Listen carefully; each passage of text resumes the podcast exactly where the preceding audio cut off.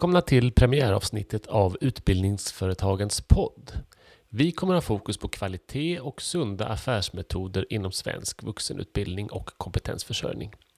Jag heter Johan Winsborn. I detta avsnitt kommer vi att prata om upphandling av utbildningstjänster och särskilt om upphandling till lägsta pris. I podden har jag fått sällskap av fyra gäster som nu ska få presentera sig. Ja, hej! Jag heter Anne Lindgren och jag jobbar som affärschef på Irisgruppen. Eh, vi jobbar med vuxenutbildning, yrkesutbildning och tjänster för personer som har funktionsnedsättningar. Mm. Och Irisgruppen är alltså ett av utbildningsföretagens nästan 200 medlemsföretag. Vi har ytterligare en representant med oss från ett av de här medlemsföretagen.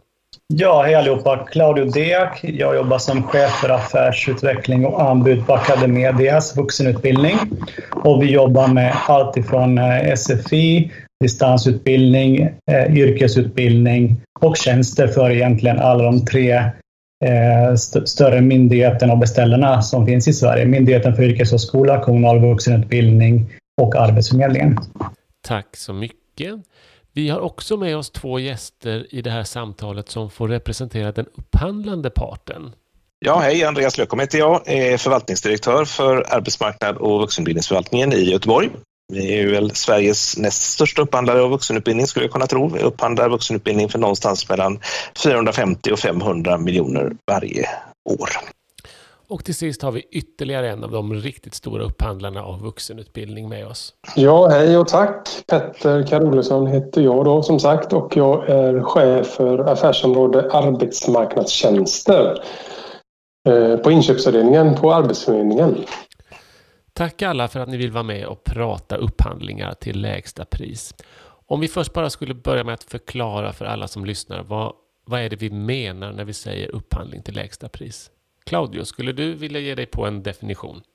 Ja, eh, upphandling till lägsta pris eh, har ganska många definitioner, men så som jag tolkar det och vi tolkar det, så är det en upphandling som avgörs på, där, alltså avgörs på pris, det vill säga priskomponenten är den som avgör slutresultatet. Och vi har ju en databas eh, som vi har data i sedan fem år tillbaka där vi följer utvecklingen noga och där vi har försökt klassificera de här upphandlingarna som vi är med i, eh, som är över 200 de här senaste fem åren, eh, på kvalitet, pris och kvalitet och pris. Och det är de här två sistnämnda egentligen som går lite grann i varandra, det vill säga där det finns olika krav men eh, där man kan ändå tolka som att priset är den som kommer avgöra slutresultatet. Tack Claudio. Petter, vad säger du? Är det en definition du kan hålla med om? Ja, men Claudio är inne på det. Det är ju så att eh, om vi pratar om ren prisupphandling, då är det ju bara en faktor som avgör upphandlingen, det är pris. Men sen så kan man precis som Claudio är inne på ha kvalitetskriterier med i samma förfrågning och eh, då bedöms ju både kvalitetskriterierna och priset. Mm. Men inte sällan så är ju priset väldigt avgörande för utkomsten av en sån upphandling. Mm. Ur ett uppköparperspektiv Petter, vad, vad är fördelarna med att så tydligt låta prisfaktorn vara avgörande? Och vad är nackdelarna? Hur resonerar ni på Arbetsförmedlingen? Eh, för vi, vi har ju en samhällsfunktion och upprätthåller tillsammans med leverantörerna. Och vi gillar ju när det är konkurrens om, eh, om de upphandlingar vi lägger ut. Det skapar innovation och utveckling, tror vi. Så vi uppskattar när det är många som intresserar sig för våra upphandlingar. Men vi är ju en väldigt stor köpare också så att det blir ju inte sällan väldigt många aktörer som, som är nyfikna på tjänsterna. Mm. Och det utmanar upphandlingarna. Då. Mm. Um, men går man bara på pris så är det ju lättare att utvärdera. Det är ju så, för då är det ju bara en faktor som vi har att ta ställning till och eh, den är ju svår att överpröva då såklart. Vi, vi brukar alltid, så gott som de i nästan alla upphandlingar så går vi på det som Claudia var inne på som är en kombination då. Eh, där det finns både kvalitetskriterier men också ett pris. Men kvalitetskriterierna de, de eh, kommer ju ur tjänsten så som vi vill se den skapad och leverantörerna är väldigt duktiga på att förklara hur de ska jobba med det där. Så ibland så saknar ju de kriterierna effekt tyvärr för att leverantörerna är duktiga på att beskriva hur man ska jobba och många kommer igenom de nyckelhålen som då tjänsten är till för att Andreas, hur resonerar ni i Göteborg om förhållandet mellan kvalitet och pris när ni tar fram era förfrågningsunderlag? Nej, men det här har ju varit en diskussion som har pågått en tid. Alltså jag är jätteglad att vi har kommit ur eh, den diskussion vi hade för 15 år sedan när det liksom eh, nästan var en liten tävling om hur lågt pris man hade fått på sin, på sin tjänst och hur många kronor per poäng man betalade och allt det där. Den, den upplever jag är helt borta idag på något sätt. Va? Men, men fortfarande så har vi ju den här balansgången som, som både Claudio och Petter är inne på här. Och i den, i den upphandlingsomgång som vi har haft igång här nu eh, och haft överprövning någonting annat här så har ju politiken varit jättetydlig här. De har ju själva velat formulera att 65 procent av värderingen och anbuden ska handla om kvalitet och 35 procent av pris. Och de har ju också avkrävt oss alltså hur, hur pris eh, hur priset skulle kunna göra en skillnad för eh, leverantörerna och hur, hur lågt man kan lägga sig. Så en väldigt intensiv politisk diskussion i förfrågningsunderlaget som jag tycker har varit nyttig och bra på något sätt att man också ser hur, hur man ska hamna här. Mm.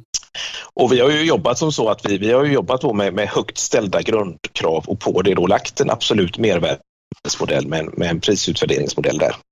Och det, det, det håller vi ju på med fortfarande på något sätt. Alltså, hela vår nuvarande upphandling är inte riktigt avslutad ännu för avgörande. Det har varit en del överprövningar och annat här men, men jag tror att ändå den diskussionen har varit väldigt nyttig. Sen är ju Petter inne på någonting här att det, det är en, en, en svårighet naturligtvis att också kunna komma åt och beskriva kvaliteten utifrån den, den levande materia som det ändå är på något mm. sätt. Och framförallt i fortsättningsvis också, det kan vi prata mer om sen kanske, hur, hur man då kan efterleva detta. Men det vi gjorde i Göteborg den här gången som man ju också kan fundera på i relation till detta, det var nästan tio år sedan vi faktiskt begärde in ett pris av våra leverantörer i den här upphandlingen. Eh, tidigare har vi då jobbat med referenspriser och annat, eller, eller som i praktiken då har blivit ett riktpris. Och, eh, men den här gången fick leverantörerna sätta ett pris på sin tjänst själva och det, ja, prisbilden kan ju också vara en, en, sak för oss som kommuner att följa och hålla oss lite uppdaterade kring. Och det är jättebra att Claudio beskriver att så sker på något sätt. För jag, jag kan tänka att den benchmarkingen hade varit nyttig för oss alla att göra. Hur, hur ser utvecklingen ut på något sätt så man också kan följa detta över riket. För att eh, prisbilden är ju en viktig eh, komponent men den, eh, den, den, den, måste ju också se ut så att den kan relatera till, till en kvalitet. Absolut. När, har ni då en dialog med leverantörerna inför en upphandling när det gäller krav och rimliga prisbilder? Varje, varje upphandlingssituation är ju unik på något sätt. Alltså här i Göteborg hade vi ju en, en dialog med, med leverantörerna utifrån det gamla avtalet. Det kan man ju säga att vi, vi hade en sån eh, diskussion på något sätt. Va? Men vi såg också att vi behövde ta ett helt nytt grepp och vi såg också att vi behövde föra in nya behovsgrupper eller målgrupper i den här upphandlingen som, som vi inte haft förut. Och det tänker jag också är ett viktigt jobb som vi kommun, som kommuner måste göra. Vi måste beskriva de behov vi har för att det här ska kunna bli relevant på något sätt. Va? Men eh, den här gången blir det en dealbreaker och jag ser också när jag pratar med många kollegor i många kommuner ute i landet här, att just den här dialogen är, är väldigt viktig och ska vara ett naturligt inslag. Alltså det är den, den omvärldsbevakning som våra eh, anbudsgivare och utbildningsleverantörer kan stå för utifrån att vara verksamma i hela landet, den klarar vi aldrig att göra själva i det offentliga. Så att, eh, den är värdefull på något sätt att man också kan hämta in olika delar här på något sätt. Men just den här modellen som vi valde här i Göteborg den här gången, den har vi tittat på i ett antal olika kommuner och, och eh, hittade då en egen variant som, som låg ganska nära. Mm. Så att, eh, ja, så, så har det varit. Anne, du jobbar ju som affärsutvecklingschef och är både involverad i att lämna in anbudssvar, men du har ju även ett ansvar för att utveckla era tjänster över tid. Hur tänker du kring det här med lägsta pris i upphandlingar utifrån ett mer utvecklingsperspektiv? Mm. Ja, men precis. Eh, vi, ja, vi som leverantörer, vi får ju erfarenheter hela tiden när vi levererar som vi också använder när vi utvecklar vår verksamhet. Eh, det kan ju vara till exempel ett digitalt verktyg, nya funktioner, eller det kan vara en metod som ger bättre tjänster, snabbare resultat. Eller det kan ju också vara kompetensutveckling för våra medarbetare som ju i slutändan stärker våra elever och våra deltagares möjligheter då till hållbar utveckling. Och när vi utvecklar så gör vi det under en pågående leverans och testar den. Och också inför en ny upphandling. Eh, så vid återkommande lägsta prisupphandlingar, när priset tenderar att Eh, vara ganska lågt, så påverkas ju möjligheten att bedriva utvecklingsarbete. Eh, och många gånger så ger inte priset utrymme för det. Och det tycker jag är lite, eh, det är ett problem om det blir så här. Och konsekvenserna kan ju vara då att kvaliteten på sikt riskerar att försämras för kunder, deltagare, samhälle i slutändan. Men det ger ju heller inget incitament för oss alla i branschen på något sätt att, att skapa effektiva och resultatskapande tjänster. Mm. Och det tycker inte jag är bra för någon part. Så det är lite grann de riskerna jag ser med eh, när det är bara lägsta prisupphandling. Är svårigheterna att utveckla över tid kopplat till avtalsperioder generellt, tycker du, eller är det kopplat till just frågan om lägsta pris? Nej, men jag tycker att det är kopplat till lägsta pris. Det är det som, som känns som problematiken. Sen är det klart att när, när det är kopplat till att man har fyra år på sig, eh, i bästa fall då, att leverera och, och, utveckla tjänsten. Det kan ju ses som en kort tid och man vet att man har de här fyra åren på sig. Eh, men jag tycker nog kanske att det är mer just det här med att priset blir så pass lågt så man kan inte ta in, man kan inte ta höjd för, eh, säg, alltså vi lever i ett, i, ett samhälle som förändras och våra tjänster behöver ju förändras i takt med det. Eh, synen på lärande, digitalisering, ny teknik, nya metoder och innovation. Det här måste ju vi lägga in i vår prissättning för det är, det är ju våra intäkter som vår verksamhet baserar sig på. Claudio, jag ser att du räcker upp handen här. Nej, men det, är, det är klart att det är utmanande med lägsta pris och det finns ju... Eh, jag, jag, är glad att vi, vi har den här lite mer fördjupande dialogen för att det är ju egentligen nivåerna under som blir... Som, man hittar lite nycklar till, till, till, till varför det är ett problem. Och förutom det som eh, Ann säger här nu så tycker jag att Eh, vi, vi, har ju inte, alltså om man, om man tar lite skillnad mellan produkt och tjänster då, så produkterna har en mycket större förutsägbarhet i både produktion och kalkylering. Medan eh, utbildningstjänsterna som, som vi jobbar med är otroligt komplexa och eh, inte bara komplexa men mer rörliga över avtalstiden skulle jag vilja få upp diskussioner kring. För att eh, man kan ju ingå ett avtal eh, under ett år där det är lågkonjunktur. Eh, två år senare är vi inne i en högkonjunktur eller tvärtom. Eller att det händer någonting på makrosidan med en stor invandring som det var 2015. Eller så blir det något, någonting annat utifrån politiken som påverkar eh, budgetar med mera. Så jag tror att eh, det lägsta pris kan te sig som att du gör en bra upphandling, du räknar utifrån bästa förutsättningar, du har en dialog med kommunen. Men samma sekund du har lämnat in anbudet eller fått tilldelningen så vet du att det kommer inte riktigt bli så där.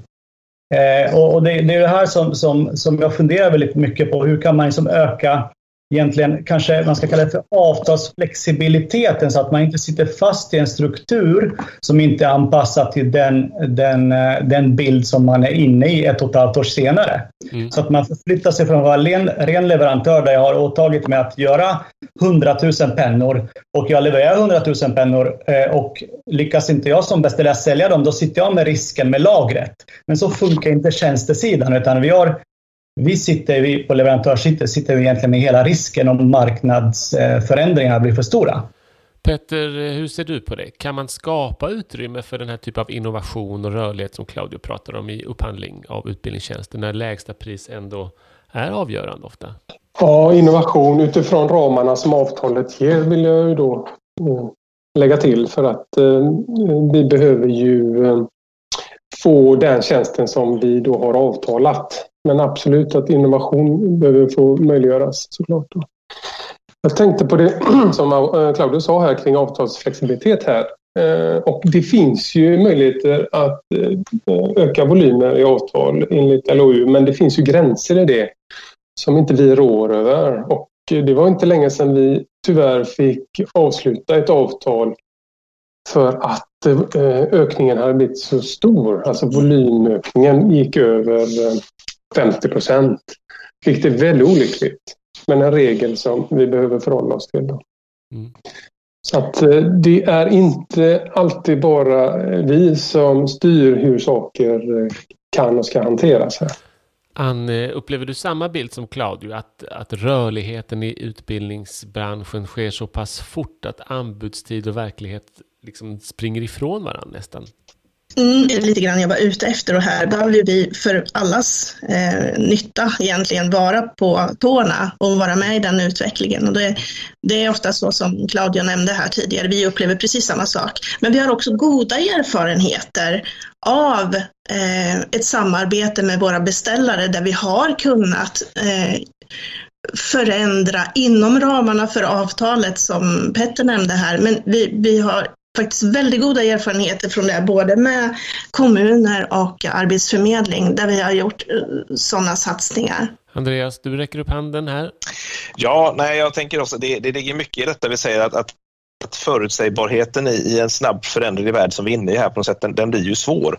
Men jag tänker att, att, och det pratar vi mycket om många kommuner emellan, att, att beskriva våra behov som målgrupper är, är, en jätteviktig komponent. Det måste vi bli duktigare på och vi har ju faktiskt också en struktur, ofta i alla fall i en större stad som Göteborg, eh, ett behov som är, eh, är ett grundbehov finns på något sätt. Va? Och sen kan det komma att öka i tider av sämre konjunkturer och annat. Men sen tänker jag också att det kan ju finnas en annan, andra delar i ett avtal också. Göteborg Göteborg har ju valt en modell där vi väldigt tydligt talar om att, att eh, X antal leverantörer kommer att bli antagna till det här avtalsområdet och fördelningen mellan dem kommer att vara en viss antal procent. Alltså vi kan ju också hjälpa till att skapa förutsättningar för leverantörer att också planera utifrån ett grundscenario. Sen kan det ju vara politiska beslut att det ska råda full valfrihet och full konkurrens förutom eh, lägsta pris. Eh, och då kanske det blir svårare att dimensionera sin verksamhet. Men jag tänker att det kan ju finnas sådana delar också man kan lägga in för att också skapa en, en bättre förutsägbarhet helt enkelt. Mm. Claudio, du viftar också med handen här.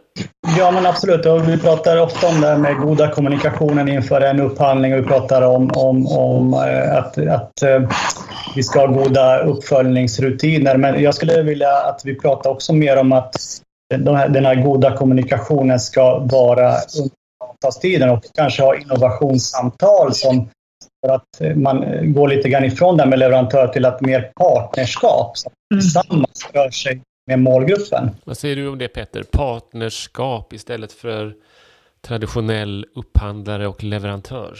Jag håller med Claudio. Vi, vi vill ju verkligen eh, ha ett partnerskap med våra leverantörer. Det tror vi gynnar eh, progressen. Så, så att eh, vi försöker och jag tycker vi upplever att vi har ökat på dialogen och relationen sista åren tillsammans med leverantörerna och dess företrädare. Mm. Och men sen är vi stora. Vi ska egentligen leverera precis samma produkt över hela Sverige och det är en utmaning när vi är många inblandade, även om vi försöker det. Då. Andreas, nu viftar du här också.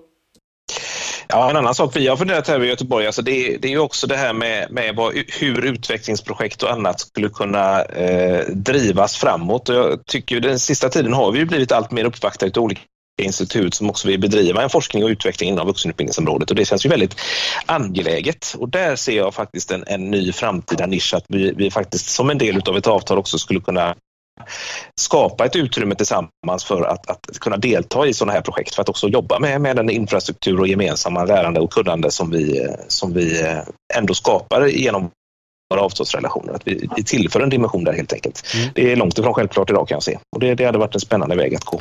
Ser du ännu fler sätt som man som leverantör kan visa på kvalitet och mervärden i en upphandlingssituation på? Kan du, finns det ytterligare sätt man liksom kan försöka lyfta blicken?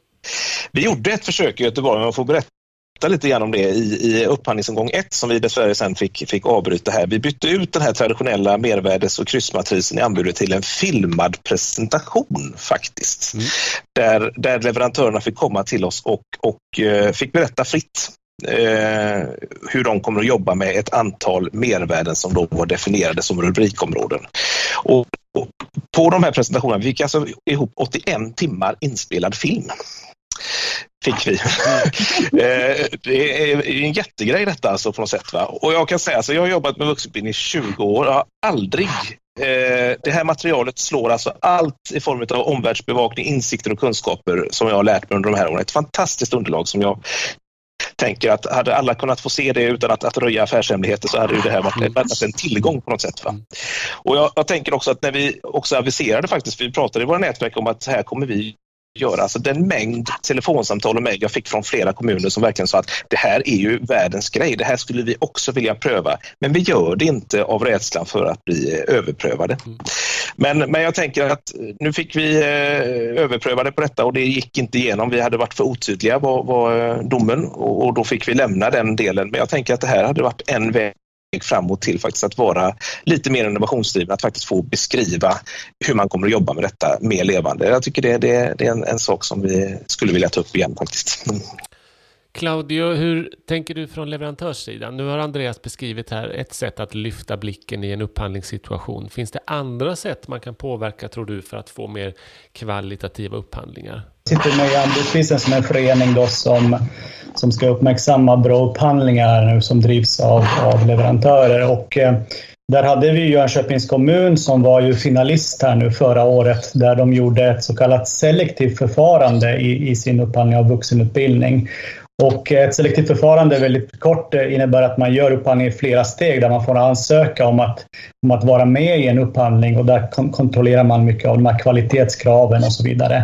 Sen, sen går ett gäng vidare då eh, till, till, eh, till, nästa så att säga. Så att man, man på något sätt minskar det här arbetsbördan som jag vet många myndigheter och beställare är rädda för att de får 30-40 anbud som de ska sitta och jämföra med varandra eh, från noll till hundra så att säga. Utan det här är lite mer en, en RFI, det vill säga man pratar mycket med branschen som Jönköping hade gjort innan, där man är överens om vilka krav som ska ställas. Sen kommer eh, den här ansökningen del 1 och sen kommer själva utvärderingen i del 2. Så på det sättet så tar man med sig leverantörer genom många olika delmål och då blir det en helt annan förståelse när man sedan får tilldelningen. Så det, det är någonting som vi, vi upplever som väldigt positivt. Det är väl kanske det som är lite grann utmaningen hos många, det är att man vill, ha, man vill ha så pass korta och snabba processer. Att jag brukar säga tvärtom, förbered er på en lång process och var inte rädda om det blir en överprövning, för överprövningen är ett verktyg som vi har i Sverige för att kunna, för att kunna testa olika, olika typer av, av, av um, tilldelningar. Mm. Um, så att ja, längre processer är bra. Det tycker jag.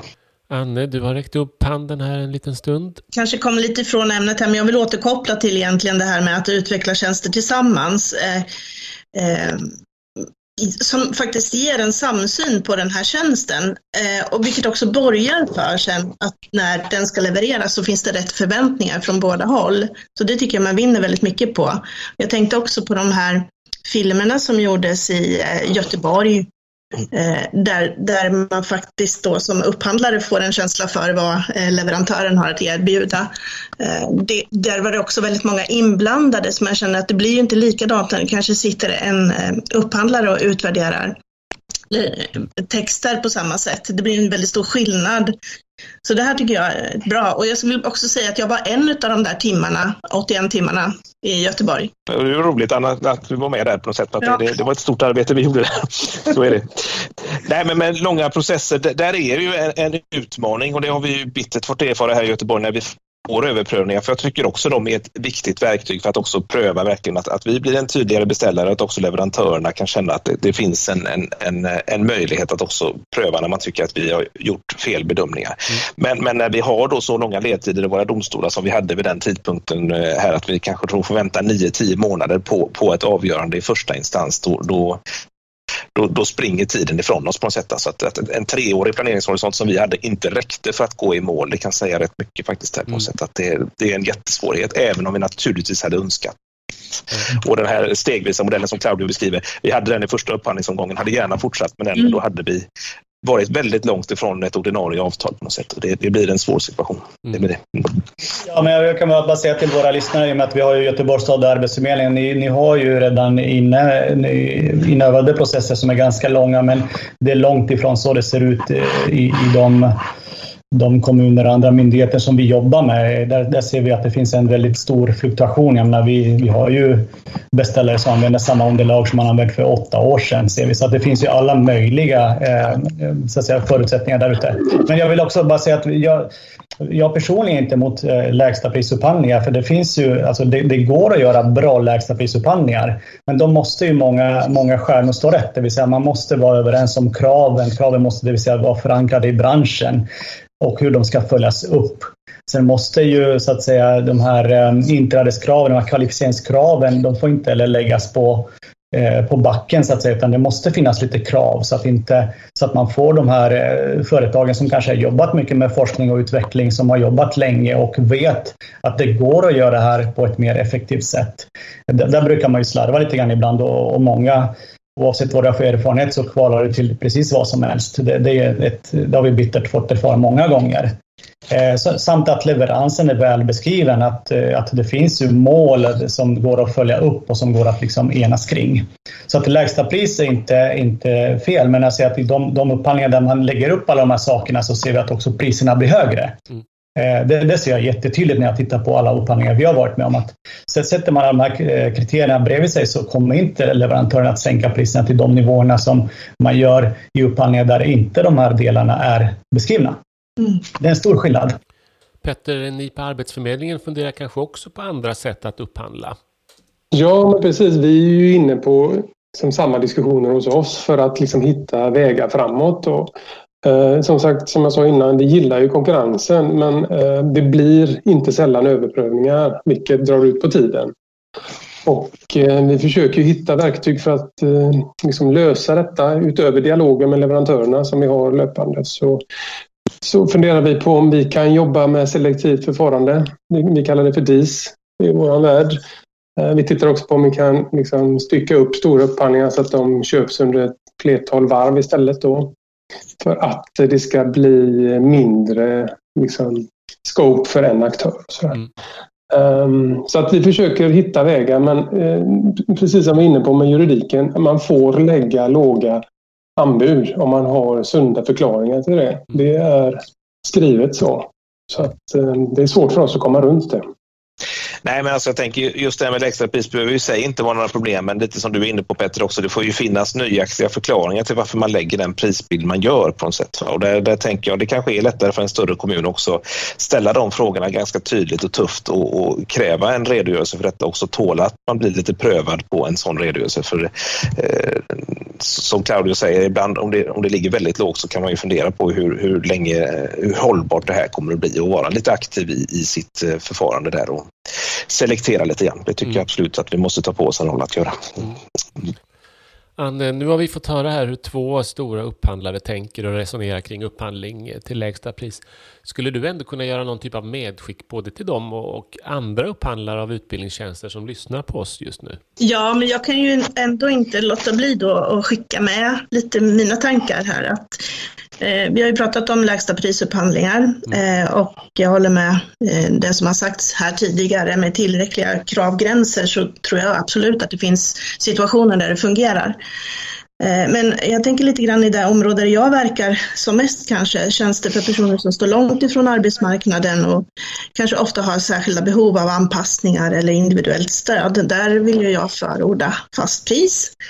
Därför att eh, genom fast pris så anger ju beställaren en önskad kvalitetsnivå och eh, när man då som leverantör vet vad priset är så kan man också, som jag nämnde tidigare, ta höjd för utveckling eller för det man behöver göra redan från början. Och då, då, kan man ta ställning till, är man beredd att gå in och lämna anbud eller inte? Och på det viset så tycker jag att det är bra med fast pris. Det här med att upphandla till ett fast pris, ställer det några särskilda krav på upphandlaren tror du Anne? Ja, eh, lite grann som det Petter var inne på tidigare så tror jag att det, dels så behöver man ju kanske veta lite mer om tjänsten för att kunna sätta ett, ett, ett, eh, pris i upphandlingen. Men man behöver ju också jobba lite mer med utvärderingskriterierna som också kan bli en komplicerad historia då. då. Mm. Om vi vänder på det då, Petter och Andreas, vad skulle ni vilja skicka med till leverantörerna i en upphandlingssituation? Ja, om jag börjar då, mm. Andreas. Så, um, ja, alltså, någon sak som jag tror eh, är jätteviktig och som vi försöker informera hela tiden, alla leverantörer, det är att bredda sin portfölj och få ner fler ben i backen. Eh, vi har så stora volymer i vårat så att man tror sig kunna leva på Arbetsförmedlingen men så avtalen kommer och går och utifrån det då så skapas beteenden att man behöver ta nya andelar och sådär. Så att eh, det tror jag leverantörskåren tjänar på. att man breddar sin portfölj. Och eh, den andra saken är ju, som jag också tycker är viktigt att ta med sig, det är att även om pris avgör en upphandling så kvarstår alla kvalitetskraven som är ställda parallellt med priset. Det är inte så att de försvinner bara för att man har satt ett lite lägre pris utan man får bara lite tuffare att leva upp till dem. Och eh, det är ju viktigt att vi har en uppföljningsmaskin för det mm. såklart. Men eh, det behöver ju den leverantör som då sätter ett lågt pris vara medveten om. Andreas? Nej, alltså det är många tankar jag har som sagt var 20 år i vuxenutbildningsvärlden här. så vi hade inte haft en, en vuxenutbildning av den klass och förmåga som vi har i Sverige om det inte hade varit för den upphandlade verksamheten och de fristående aktörer som verkar idag. Det skulle jag vilja säga. Jag har sett detta i många kommuner och vilken betydelse detta har haft på något sätt. Va? Och jag kan väl tänka att, att nu är det viktigt att vi fortsätter bibehålla den här konkurrenskraften och så. Men jag kan ju också se att, att upphandlingssystemet så som det ser ut idag och fungerar med, med överprövning och annat, alltså det, det skapar också en, en legitimitetskris lite grann på något sätt. Va? Så att, att vi ser politiskt att man backar lite och frågar alltså, är det värt detta, hur ska vi göra här på något sätt så att vi kan hitta en ny gemensam väg tillsammans framåt. Och lite som Peter säger, att hela tiden jobba med, med kvalitetskriterier, kanske också som, eh, som jag tror Anne var inne på också, att, att sprida ut också lite grann eh, hur, hur våra upphandlingar ligger så att inte allt satsas på ett kort. Det kanske alltid ska vara en pågående upphandling från de större städerna så att inte allt står och faller med en och samma mm. upphandling. Mm. Men, men också kanske att vi, vi försöker hitta en form här nu där, där konkurrensen naturligtvis måste få råda men vi måste också kunna hitta metoder där vi kan också utveckla våra tjänster tillsammans. Och det, det, det, innebär kanske att vi får ta till lite nya metoder och hitta ett, en, en samsyn kring det här. Och det initiativet som Almega tog i våras tycker jag kan, kan vara en, en sån väg kanske att man börjar titta på hur upphandlingskriterier kan se ut, att man kanske börjar bli lite mer överens på olika sätt kring, kring ett antal grundstatuter. Ja. Mm. Med de orden tänker jag att vi sätter punkt för den här diskussionen om upphandling av utbildningstjänster till lägsta pris. Stort tack till er allihop som har varit med i samtalet. Kul att få vara med. Jättekul. Ja, ja. Stort tack allihopa. Det var jätte, jättenyttigt. Ja. Och stort tack också till er som har lyssnat på oss.